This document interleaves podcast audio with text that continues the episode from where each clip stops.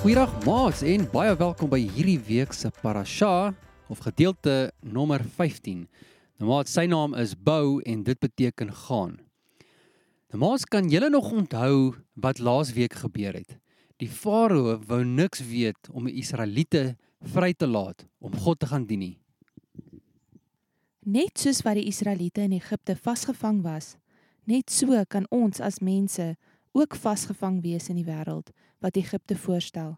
En net so kan ons ook vasgevang raak in die dinge van hierdie wêreld. Wanneer ons al ons aandag dag en nag net op die dinge van die wêreld hou. Julle wonder seker nou hoe op aarde kom 'n mens los uit Egipte. Kom ons kyk. Die woord van Abba Vader leer ons aangaande alle dinge. Ek dink ons gaan die week die antwoord kry. In die week se parasha sien ons die laaste 3 plaae wat oor Egipte gekom het en maats, dit is baie baie belangrik vir ons om die laaste 3 plaae te verstaan. Ons sien dit is 'n swerm sprinkane wat Egipte se oes opgeëet het. Daarna het die donkerste donker oor Egipte gekom. Die donkerte was so intens dat hulle dit kon voel. Niemand kon enigiets voor hulle sien nie. Vir 3 dae kon hulle niks doen nie. Dit was net te donker in Egipte. Die laaste plaag was die dood van alle eersgeborenes in Egipte. Maar kyk wat gebeur met die kinders van Israel. As ons Abba Vader dien, is die teenoorgestelde van die drie pla die dinge wat Abba Vader ons beloof. As ons Abba Vader dien, sal ons altyd 'n oes hê. Ons sal altyd voorsiening hê. Die sprinkane sal nie ons oes te opeet nie. Egipte het nie 'n oes gehad met die sprinkane plaag nie, maar in Goshen was daar 'n oes en daar was voorsiening. Met die 3 dae van donkerte sien ons dat as ons Abba Vader dien, sal daar lig wees. In Egipte was daar donkerte, maar in Goshen in die Israeliete se huise was daar lig. Dit beteken die lig was binne in die huise en as ons as kinders van Abba Vader hom dien, is die lig binne in ons en nie buite nie. Ons lig moet van binne ons tabernakels afskyn na die donker wêreld daar buite. Die laaste plaag het al Egipte se eersgeborenes gesterf, maar Israel se eersgeborenes het nie gesterf nie, omdat Israel die onskuldige bloed van 'n lammetjie op hulle deurskoesyne gesmeer het. Abba Vader se woord leer ons ook dat ons sal oorwin deur die bloed van die lam en deur ons getuienis wat ons spreek. So kan ons kyk na ons monde as die deur wat ons het waar ons die bloed van die lam oor kan pleit sodat ons lewe kan spreek. Niks negativiteit en dood mag uit ons monde kom nie, net lewe. Goshen het voorsiening gehad. Hulle het lig gehad en hulle het lewe gehad. Die wêreld, Egipte, het dit nie gehad nie. Maats, dit is belangrik dat ons hier stil staan en besef dat die wêreld en sy dinge lei tot dood. Maar om in Abba Vader te wees lei tot die ewige lewe.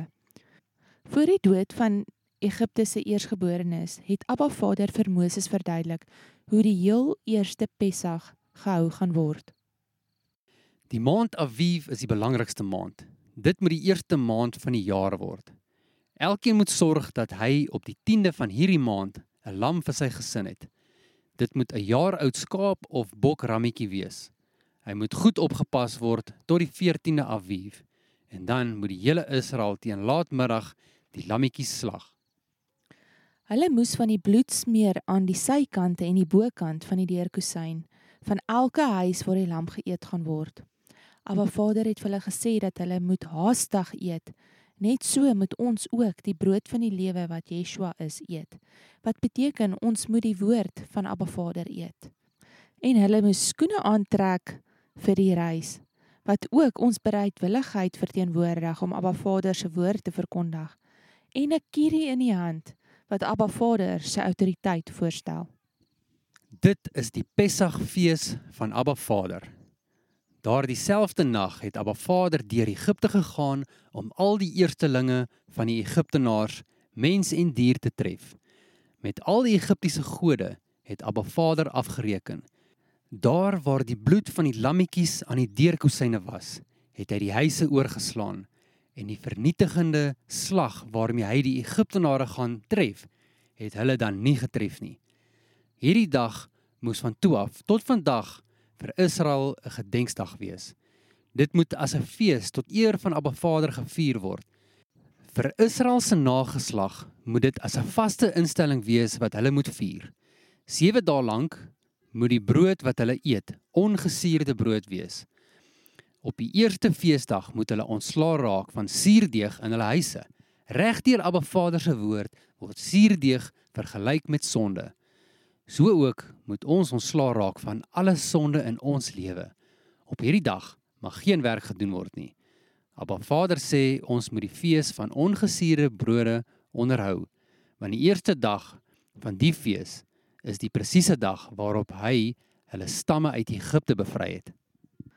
Maats jare daarna op presies dieselfde dag en maand wat die Israeliete uit Egipte uitgelei was, het die Israeliete nog steeds elke jaar die Pessagfees gevier as 'n herinnering van die dag wat hulle weggetrek het uit Egipte. Op een spesifieke vooraf bepaalde dag was Yeshua ook so ondersoek op die 10de Aviv, net soos die lammetjie. Yeshua was ondervra deur Pontius Pilatus en hy het gevind dat ons Yeshua sonder enige sonde was. Hy was die onskuldige lam. Yeshua het so vir my en vir jou gesterf aan die kruis, net soos wat hulle elke jaar die lammetjie geoffer het om vry te kom van hulle sondes. So is ek en jy vandag vry as ons Yeshua kies as ons verlosser. En net so sal elkeen uit Egipte uit kan kom deur die bloed van Yeshua, ons verlosser. Ons moet net die bloed aanvaar. In Yeshua is daar voorsiening. Daar is lig en daar is lewe. Kom ons bid saam, maats. Groot almagtige Abba Vader, dankie dat U al voor die aarde gevorm was, U verlossingsplan gehad het. Dankie dat U vir ons in prentjies wys.